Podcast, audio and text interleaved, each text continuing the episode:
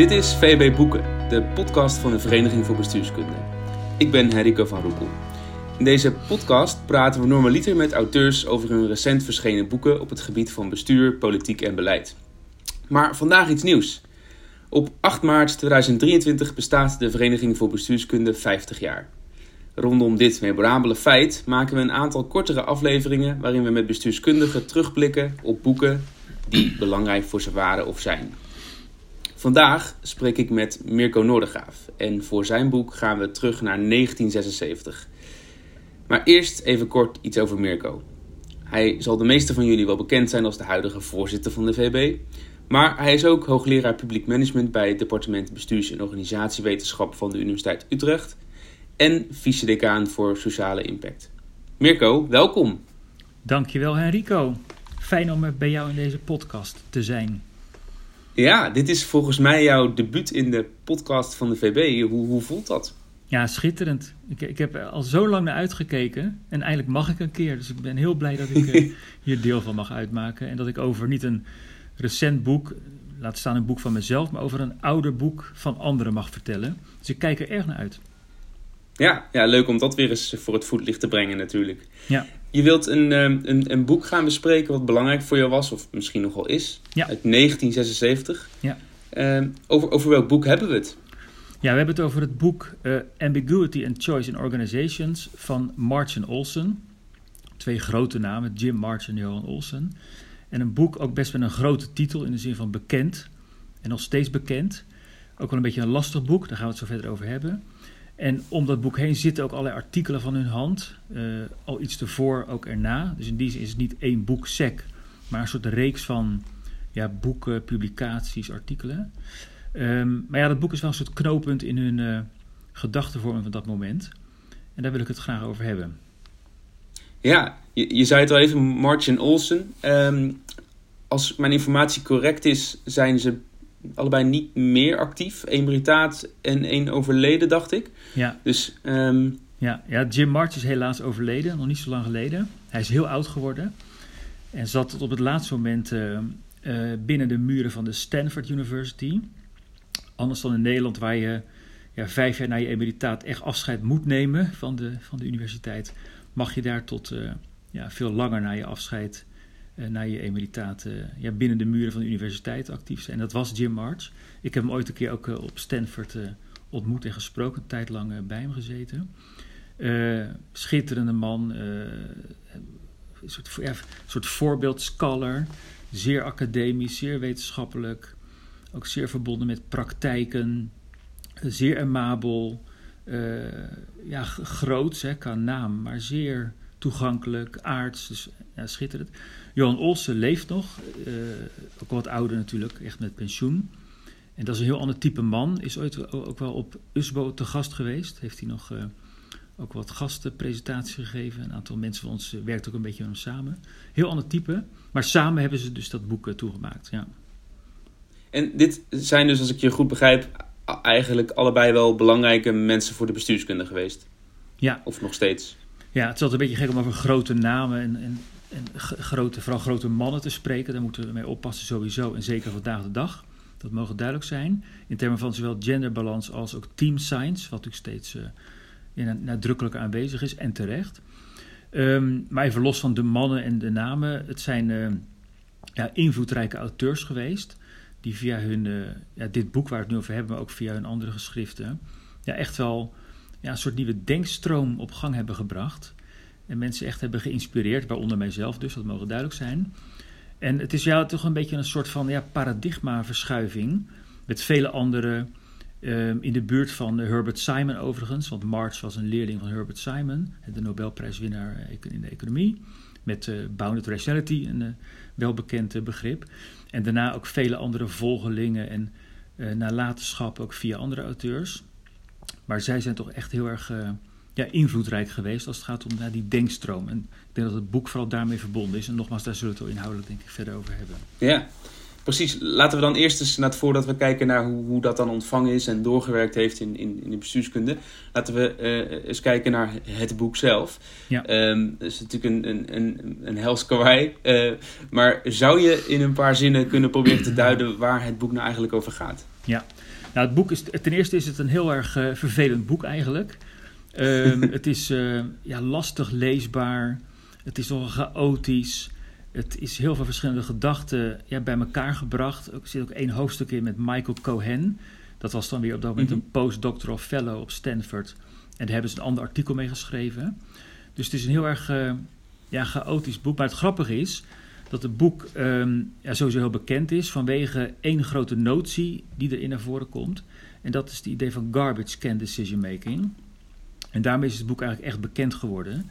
En het grappige is dat, dat, dat het boek over garbage can decision making gaat, dus allerlei grillige, chaotische besluitvormingsprocessen.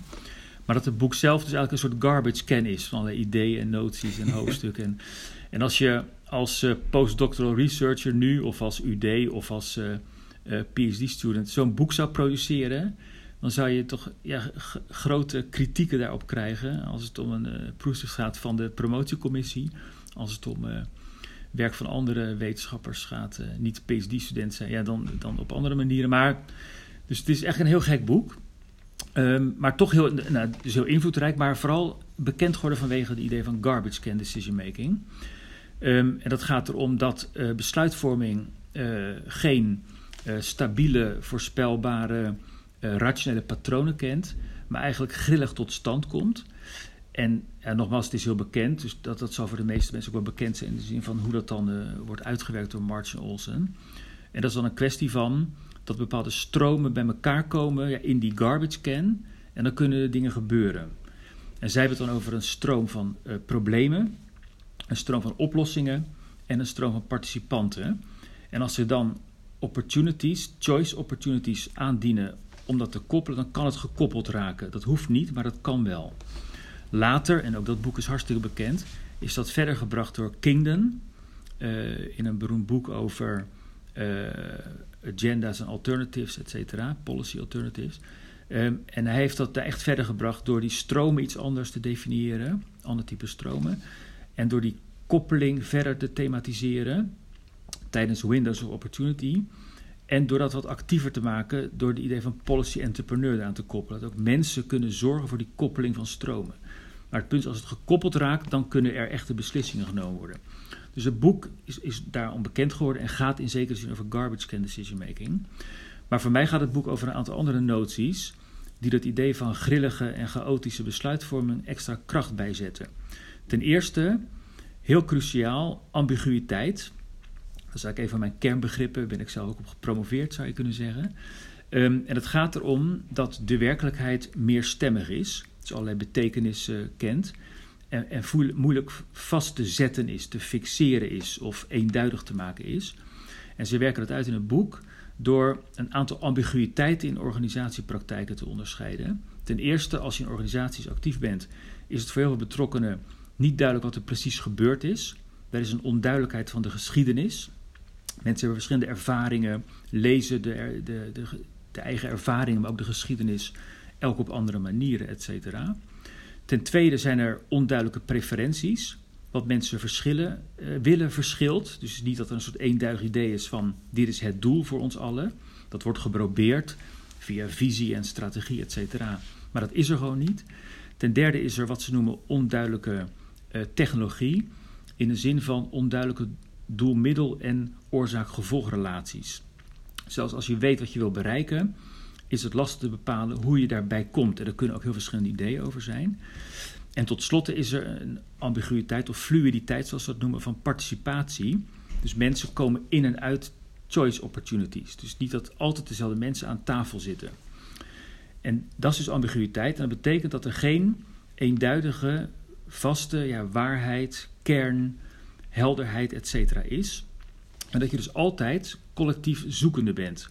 Je weet misschien zelf wat je wil als organisatieparticipant, als medewerker, als manager. Maar de ander denkt anders. En als je eruit bent, dan weet je niet hoe je dingen moet bereiken. En bovendien, de volgende keer zit er weer iemand anders bij aan tafel die weer andere ideeën heeft. Dus dat is voortdurend in beweging. En dan krijg je de tweede kernnotie naast ambiguïteit. Dat is aandacht. Want dan krijg je een soort ja, dubbel probleem. Je hebt niet alleen een, of dubbele uitdaging zoals het tegenwoordig heet. Je hebt niet alleen een ambiguë situatie. Geen helderheid, geen overzicht en, en, enzovoorts.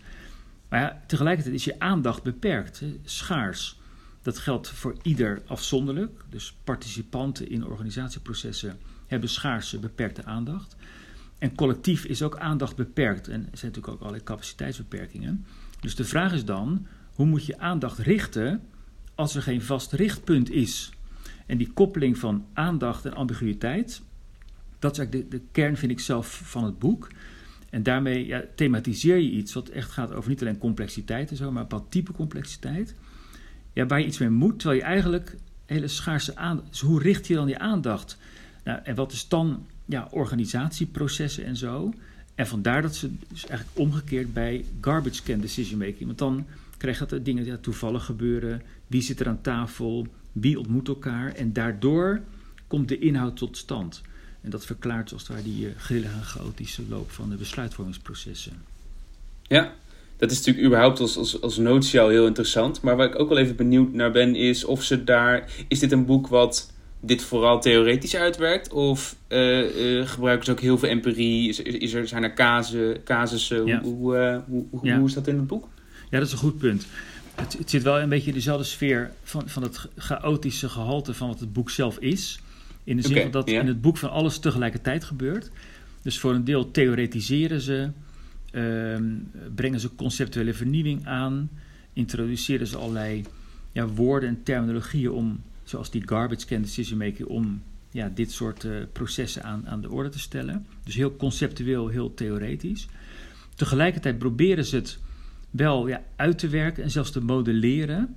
En vooral de Cohen, uh, die in één hoofdstuk meedoet, die heeft dan een soort van mo modellering van die garbage can decision making. En dan proberen ze zelfs, paradoxaal genoeg, een soort vastige patronen in besluitvorming te, te traceren. Terwijl het, en daar zijn ze ook om bekritiseerd overigens. En overigens, die Cohen heeft samen met Marcia Olsen iets eerder dan dit boek, 1972, een beroemd artikel geschreven in ASQ, Administrative Science Quarterly. En dat is de Garbage Can Decision Making Model of de Garbage Can Model of Decision Making, iets in die trant. Dus die Cohen is wat meer de, de, de, de modelleur, of de, de, degene die modelleert. Um, was toen een uh, postdoctoral researcher, geloof ik. Um, dus dat, dat zit er ook in. En weer empirisch hebben ze ook een soort ja, empirisch toepassingsbereik. Maar ook daar zijn ze over be, be, onbekritiseerd vanwege ja, hoe generaliseerbaar is dat. En dat is vooral de empirische wereld van wat ze noemen georganiseerde anarchieën. Ook een van de termen trouwens die uh, nog steeds vind ik heel erg actueel uh, is. Organized anarchies. En dat zijn organisaties ja, die georganiseerd zijn en, en dingen zijn gekoppeld. Maar dat zijn ook best ja, chaotische, anarchische fenomenen. En dat heeft erg te maken, een beetje impliciet zou je kunnen zeggen, met uh, professionaliteit. Want ze bekijken in hun boek vooral universiteiten, dus hun eigen werkwereld. Mm -hmm. En ze Aha, zeggen universiteiten ja. zijn organized anarchies. Met al die eigenwijze wetenschappers en al die hoogleraren die hun eigen plan trekken. Veel autonomie, ruimte, et cetera, decentraal. Loosely coupled, een soort latere terminologie die je hier aan kunt, uh, aan koppelen, aan, aan kunt verbinden. Uh, en dan zou je kunnen zeggen, nou, misschien kan je dat een beetje vergelijken met andere hoogprofessionele organisaties. Ja, en hoe zit het dan met het bereik? Dus er zit wel een vraag rond het empirische bereik. Dus een ja. koppeling, ja, theorie, conceptualisatie, iets van modellering ook wel, een soort kwantitatieve modellering, maar vooral ook die empirische soort van toepassing uh, ja, binnen de, sfeer van organized energy. Daar zit ergens zeg maar de, ja. de rijkwijde van het boek. Ja. En vooral in eigen werkcontext eigenlijk, ja. dus vooral empirisch. Uh, ja, ja en het verhaal is dus ook dat ze, kijk, Johan Olsen die komt uit Noorwegen. Uh, Jim Mark ja. zat, zat gewoon, is Amerikaans, zat in Stanford. En die Cohen die kwam van een andere plek uh, van de West Coast. En die kwam ook naar Stanford toe. En Olsen die was ook visiting in Stanford. En volgens mij was Jim March toen al decaan. En ze maakten toen dingen mee. Ook, ze maakten samen ook dingen mee, ook rond selectie van mensen. En daardoor is die garbage can imagery volgens mij opgekomen door hun eigen ervaringen in hun, in hun universiteit, dus Stanford. En die ze dan vervolgens als georganiseerde anarchie hebben voorgesteld. Ergens daar zit een soort van persoonlijke achterkant van dit boek, zou je kunnen zeggen. Ja, ja. ja. Ja, en, en je zei ook al even, um, er zit een, ja, het, is een, het is ergens een soort van absurd boek bijna. En um, het, grappige, ik zocht een, een boekrecensie op en er is één uh, bekende in de American Journal of Sociology waarin in, Stanley Seashore over het boek schrijft. En die zegt inderdaad, inderdaad onder andere: The authors invoke a world of the absurd. Ja. Um, they claim to be unsettling and they succeed. Um, herken je dat? Ja, nou, er zijn meer recensies verschenen vlak na het verschijnen van het boek, dus na 1976. En ook van grote organisatiekundige namen of inmiddels grote namen. Dus niet zomaar de, de eerste, de beste. En um, het is, in al die recensies is het een soort combinatie van ja, deels een soort verwondering. Wat is dit? En er is zelfs één uh, recensent, en misschien wel meer, die begint over spelfouten, het notenapparaat van één hoofdstuk mist, er missen pagina's, nou, enzovoort, enzovoort. Dus wat, wat is dit voor een boek? Dat is een soort constatering nummer één. Ten tweede, ja, machtig interessant en uh, vernieuwend en uh, schitterend. Dat is een soort ja, tweede constatering. En dan ten derde, ja, maar als je kijkt wat meer aan detail, hoe zit het dan met? Ja, willen ze nou toch vastigheid in die besluitvorming, hè, met dat modelleren? Uh, werkt het nou ook ja, buiten universiteiten, die, die, dat idee wat ze dan heel erg etaleren. Maar ook als je binnen universiteiten kijkt, heb je ook niet meer routinematige processen. Dus hoe zit het eigenlijk met ja, generalisatiekracht en zo. Dus een combinatie van ja, soort fascinatie en verwondering. Ja, ja, echt indrukwekkend, maar ook ja, vraagtekens. Dat zit in al die...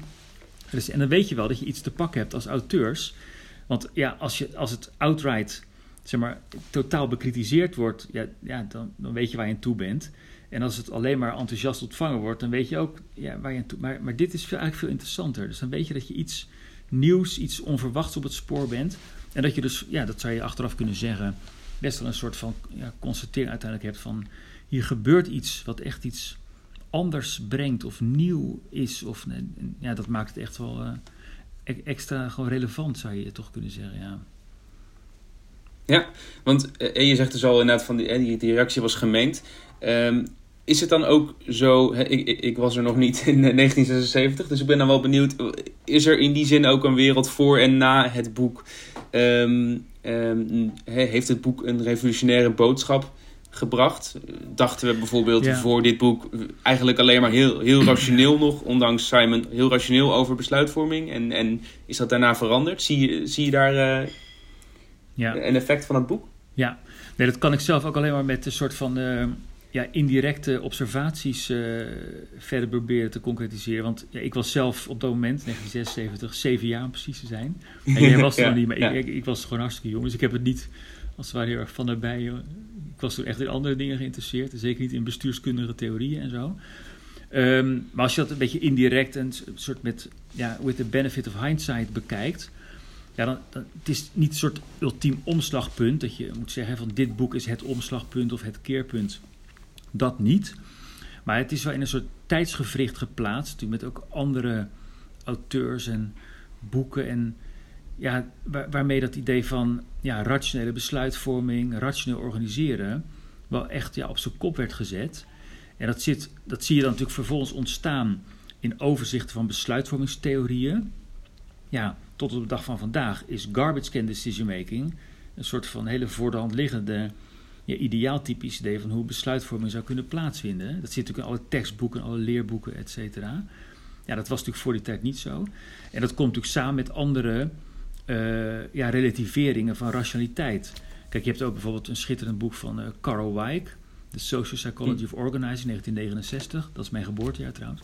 Um, en dat gaat ook heel erg over dat is echt ook hardcore ambiguity en hoe je dan uh, organizational enactment krijgt, allemaal ja, vergaand tegen rationaliteit en rationele processen in. En dat zie je natuurlijk ook ja, op, op andere manieren, ook bij ja, allerlei processen van modeling through en ook met incrementele besluitvorming en ook de, de kritiek op uh, ja, eenduidige implementatie. Dus het zit, het zit in meer werken, en, maar in dat tijdsgevricht. Ja, en ik vind zelf dus dat idee van, van ambiguity en dan echt ook organisatiekunde geduid. Dat zit echt in het boek. En in combinaties met die enorme vernieuwing, wat die garbage can uh, metafoor, wat ja, tot op de dag van vandaag een soort leidende metafoor is. Ja, ja. In die zin is het echt, het is niet het omslagpunt, maar wel een soort manifestatie van we denken anders sinds die tijd, om het even zo op die manier samen te vatten. Ja, ja precies. Ja. En um, wat ik me ook nogal uh, afvroeg, je gaf net al even aan hun punt is een beetje platgeslagen. Dus eigenlijk van hè, er is veel minder structuur en besluitvorming dan je denkt. En paradoxaal genoeg proberen ze dan vervolgens wel weer structuur in te brengen. Want ja, dat, je, bent, je bent toch een wetenschapper. Is dat ook eigenlijk het belangrijkste kritiekpunt inhoudelijk op het boek? Of, of ligt dat nog ergens anders? Ja, dat, ja, het zit wel vooral daar. Ehm, en misschien ook wel in zekere zin deels in de ja, toepassingsmogelijkheden. Dus je, je kan de modellering, ja, dus de conceptuele modellering, maar ook de letterlijke modellering gebruiken om die, uh, die streams te identificeren en de koppeling daarvan in concrete choice situations of choice opportunities. Um, maar dat blijft allemaal best steriel. Dus dat, ja, dat mm. ook als je het boek leest, het is eigenlijk heel praktisch.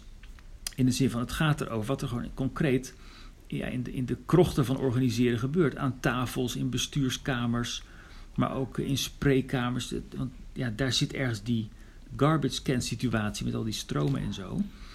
Um, Maar het blijft best steriel. Waar zit het nou precies? Dus dat is een soort ja, kritiekpunt dat je eraan zou kunnen koppelen.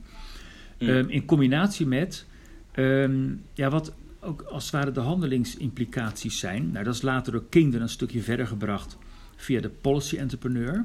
En dan breng je wat meer agency, handelingsvermogen uh, in, in die processen om ja. die koppelingen te forceren of die koppelingen te stimuleren. Alleen het lastige bij ja. is dat hij het verder uh, verbreed heeft richting ja, beleidsontwikkeling.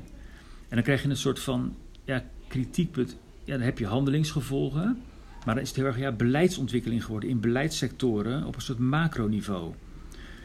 Terwijl in dat boek zit wel iets macro-achtigs al. Dus die garbage can, decision making, een beetje over al die verschillende organisatiesituaties heen. Maar toch zit er ook in, het gebeurt aan tafels, in ruimtes en als mensen bij elkaar komen. En, en, dat verlies je een beetje door die uitwerking en zeker in die kinderachtige uitwerking. Dus daar zit ook iets uh, ja, van ongenoegen, denk ik. Dat, dat geldt ook voor mijzelf. Mm.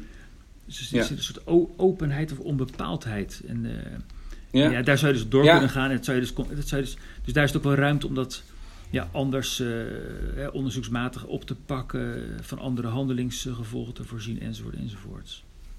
Ja, precies. Ja, en ik dacht bijvoorbeeld zelf ook aan uh, dingen als persoonlijke verantwoordelijkheid of zo. Ik kan me ook voorstellen dat je met de garbage can metafoor um, um, dat het bijna als excuus kan fungeren. Van ja, de wereld is nou eenmaal grillig, uh, het lukt niet. Ja. ja, dat is ook een, een, heel interessant punt. Kijk, wat ze wel doen is, dus ze proberen wel patronen te traceren oké, het is garbage can decision making. Um, dus ook een soort toevallige koppelingen en, enzovoort. Maar er zitten wel ja, patronen in. En dan, dan laten ze bijvoorbeeld zien binnen de universiteit, als dus uh, empirische toepassingsplek, dat je dan op verschillende manieren besluiten kunt nemen. Het kan zijn dat je echt besluiten neemt en dat je uh, bepaalde problemen oplost.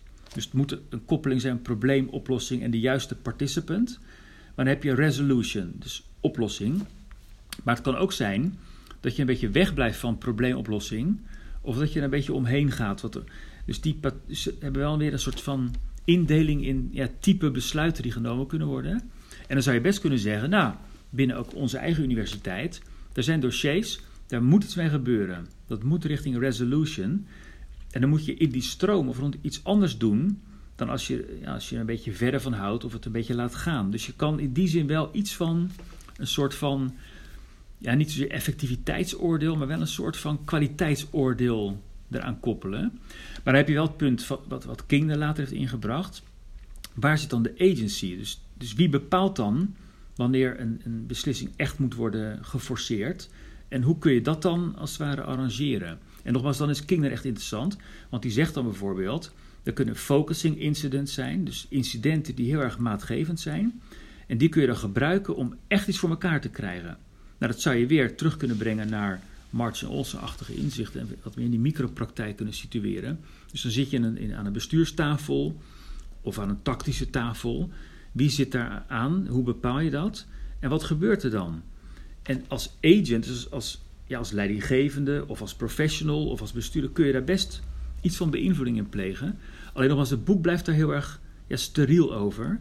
Maar, maar, daar, daar kun je dus iets mee, vind ik. Dat is wel een soort interessante, zowel wetenschappelijk als ook praktisch, zou je kunnen zeggen. Ja, Ja, ik ben wel even benieuwd. Herinner je je nog wanneer je dit boek voor het eerst las? Was dat een, een, een moment? Ja, dat zijn altijd leuke vragen. En niet heel concreet.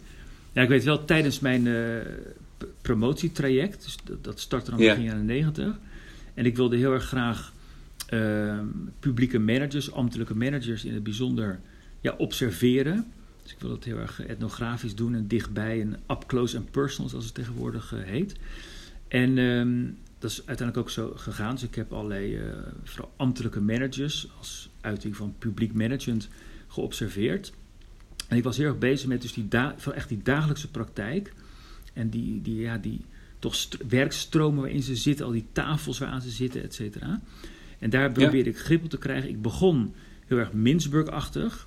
Mintzberg, ander mooi boek, 1973. Uh, The Nature of Managerial Work.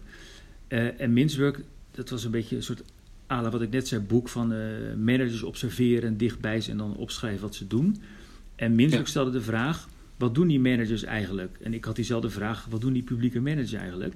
En ik begon dus ook in een soort pilot situatie te observeren. Maar ik kreeg, kreeg daar geen grip op, want er gebeurde zoveel aan die tafels, in die kamers, op die ministeries, in dienstauto's. Gewoon overweldigend. En toen ben ik, via aanvullende gesprekken en ook, ook wat contact en der, dus bij het werk van uh, uh, Martin Olsen gekomen. Uh, plus het werk van Kaufman trouwens, die Administrative Behavior of Federal Bureau Chiefs. Schitterend boek, anders schitterend boek, 1980. En Carl Weick, want die gaat er heel erg in en door op ambiguity. En die koppeling van dus ambiguïteit en ook aandacht, waar we het eerder over hadden, daarin vond ik mijn angle om die werkprocessen en werkstromen van die publieke managers uh, verder ja, tastbaar te maken. Want de vraag werd toen, hoe richten die ambtelijke managers, directeur op departementen, uh, directeur-generaal, hoe richten die hun schaarse aandacht te midden van ambiguïteit? Al die impulsen, journalistieke impulsen, dingen die in het parlement gebeuren, uh, wensen van de minister, uh, stukken stromen van onderaf, uh, van onderuit het ministerie. Zoveel tegelijkertijd en zo ja, vol ook onduidelijkheid. En hoe richt je dan, dus dat idee van hoe richt je je aandacht gegeven die ambiguïteit, dat werd dus voor mij richtinggevend. En dat leidde tot het proefschrift. Dus ik, ben in zekere zin door Martin Olsen plus Kaufman plus ook wel Mintzberg en Weick gered. Dus, dat, dus in die zin, ja. dus concreet weet ik niet wanneer ik het las, maar ik, ik heb het nee. echt heel erg gelezen en ook samen met die andere boeken. En da daardoor kon ik als het ware grip krijgen op mijn eigen empirische materie, om het even zo, zo te ja. zeggen. Nee, maar dat is echt cruciaal geweest voor je eigen uh, uh, onderzoek uh, eigenlijk, als ik, het, als ik het zo begrijp. Ja, en, en ik vind dat... Ja. ja. Ja, en ik zei net al, dus ik, Jim March vind ik ook echt een soort exemplary scholar, in de zin van dus die conceptueel-theoretische vernieuwing, originaliteit, maar ook uh, ja, toch een soort grootsheid en na, maar ook emabel, toegankelijk. Dus ik, ja, Jim March voor mij, en ik heb hem dus ook wel uitgebreid mogen spreken en zo, dat is alweer jaren geleden. Maar dat heeft toch grote indruk op mij gemaakt. Dus die is best, ja, is best iets, zeker nu we het erover hebben, dan is het best ja, ja, indrukwekkend. Dat is dan het woord dat daarbij past. Lijkt toch een belangrijk persoon. Hey, en als we even de, de koppeling maken naar, uh, naar nu, denk je dat dit uh, boek nu weer relevant is of nog is? Um, ja. Wordt het nog voorgeschreven aan studenten? Uh, of, of, komen die daar dan niet doorheen? Ja, Hoe, ja precies. Nou, volgens mij wordt het nauwelijks voorgeschreven of niet. Ik denk dat ja, binnen opleidingen bestuurskunde in Nederland, misschien ook daarbuiten, volgens mij staat het boek niet op lijsten wordt het ook niet uh, besproken.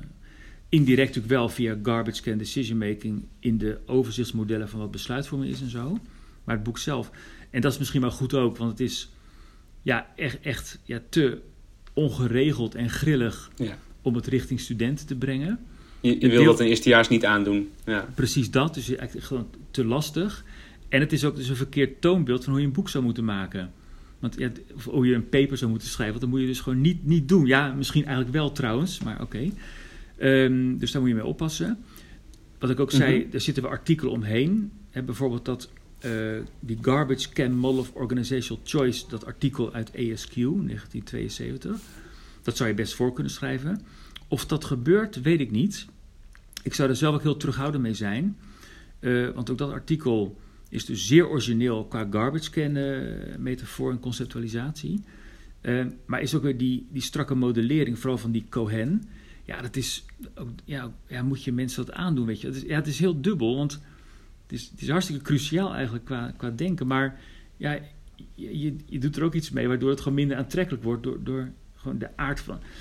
Later hebben ze overigens ja, hebben ze andere natuurlijk ook publicaties, dus, uh, stukken in journals, maar ook boeken geschreven. En ze hebben bijvoorbeeld um, later het boek Rediscovering Institutions samengeschreven, Martin Olsen. En dat is een heel toegankelijk boek, uh, wat er opgehangen is aan, aan het idee van institutions. Wat ze daar doen bijvoorbeeld is twee logics uitwerken: de logic of consequence en de logic of appropriateness.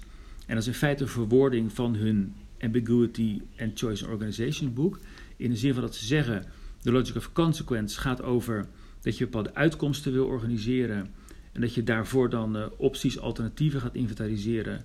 En het beste alternatief, de beste optie kiest om een mooie uitkomst te realiseren. Terwijl de logic of appropriateness is, ja, je doet niet wat het meest effectief of het meest werkt. Je doet wat passend is, want er is die ambiguïteit en die strijd om aandacht, et cetera.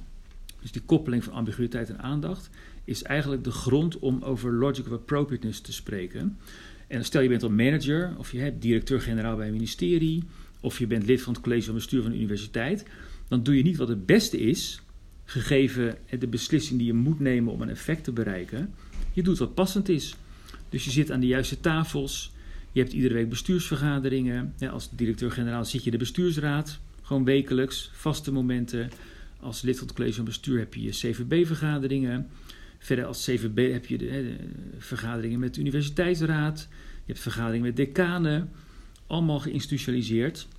En in het institutionaliseren van die, van die ja, type gesprekken, meetings, vergaderingen... en ook het institutionaliseren van de stukkenstromen... want vergaderingen gaan er vaak over stukken... daarin zit de inhoud...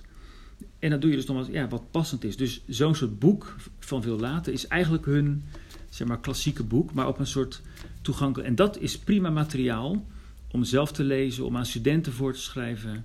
Uh, veel toegankelijker en, en misschien ook zelfs wat meer, ja, toch handelingsgericht, zelfs in een, in een zekere zin. Hmm. Ja.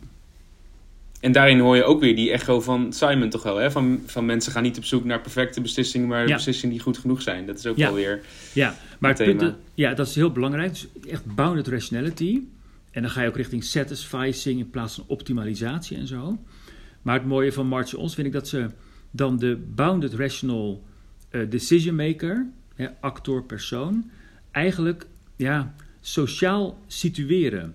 Dus je bent zelf beperkt als decision maker, want je hebt zelf allerlei limits qua rationality, cognitieve limits, ook aandacht, et cetera. Maar als je met anderen aan de slag moet, die ook aandachtsbeperkingen hebben, ook te midden van al die ambiguïteiten zitten, dan is het weer een soort ja, sociale bounded rationality. En dat is heel erg plaats in die processen met heel veel mensen vaak, meer collectief. Ja, daar zit, vind ik, de, de, de waarde van ja, Martin Olson ten opzichte van de individuele besluitvormer die ja, cognitively en op andere manieren beperkt is. En vandaar ook dat interessante van die grilligheid en het chaotische over de tijd heen in die stromen, in die complexe organisatieomgevingen. Ja, en dan, dan stellen Martin Olsen dus ons veel meer in staat om, om dat te begrijpen dan zeg maar SEC, die bounded rationality. Dus daar zit wel een soort van de, ja, een soort verdere uitwerking, vind ik wel. Ja. ja. En als we nu eens kijken naar hè, dossiers, onderwerpen in de huidige Nederlandse bestuurskunde, de, uh, allerlei thematiek die natuurlijk nu uh, speelt. We hebben het vooral over heel veel uh, crisis. Ja. hoe, hoe, um, hoe zou dit boek dan van nut kunnen zijn bij ja, ja, bestuurskundigen die nu iets moeten doen? Ja, dus de relevantie vandaag de dag.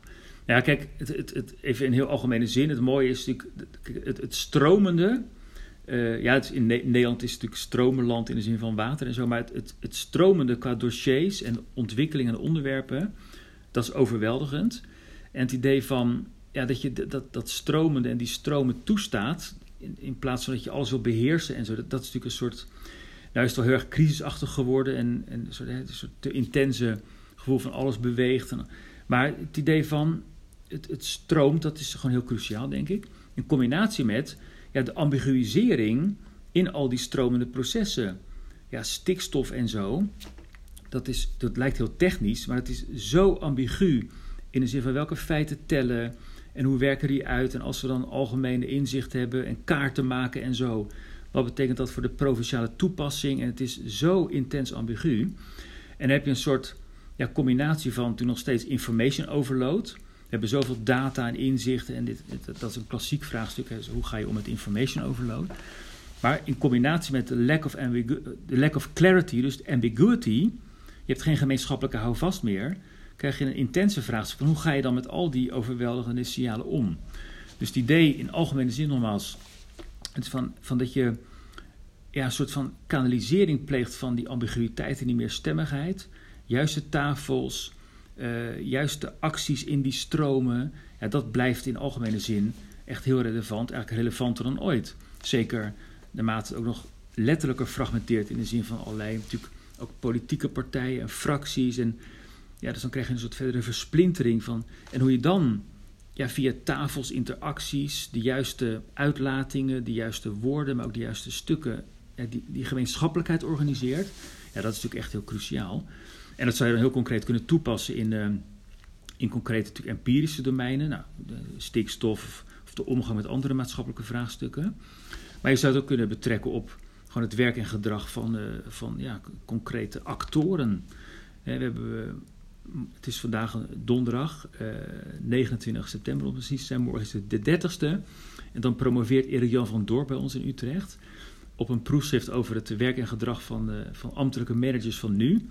Hij past niet letterlijk Martin Olsen toe, maar dat, dat gebeurt. Maar je ziet in, in, in, in dat werk wat ze zelf ja, maken en, en en, zeg maar, hermaken, ze hun eigen werkstromen, hoe ze met ministers omgaan, hoe dat in het bredere systeem, ja, dan zie je ja, die, die overweldigende complexiteit en, en de poging om daar een grip op te krijgen. En het zit voor een deel in concrete werkpraktijken. Wie hebben we aan tafel? Uh, hoe praat beleid met uitvoering? Hoe organiseer je feedbacklussen van uitvoering naar beleid? Hoe pik je signalen op?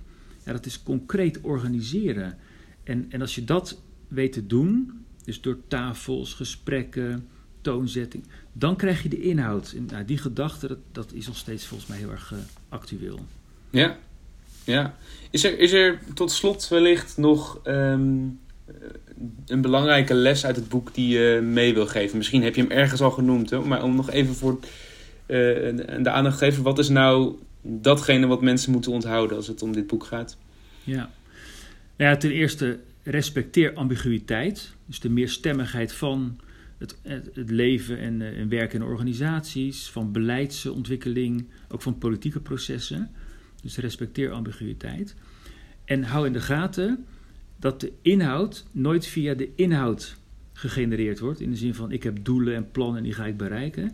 De inhoud zit in de processen. En wie ze bij wie aan tafel, hoe organiseer je de stromen, dat maakt de inhoud.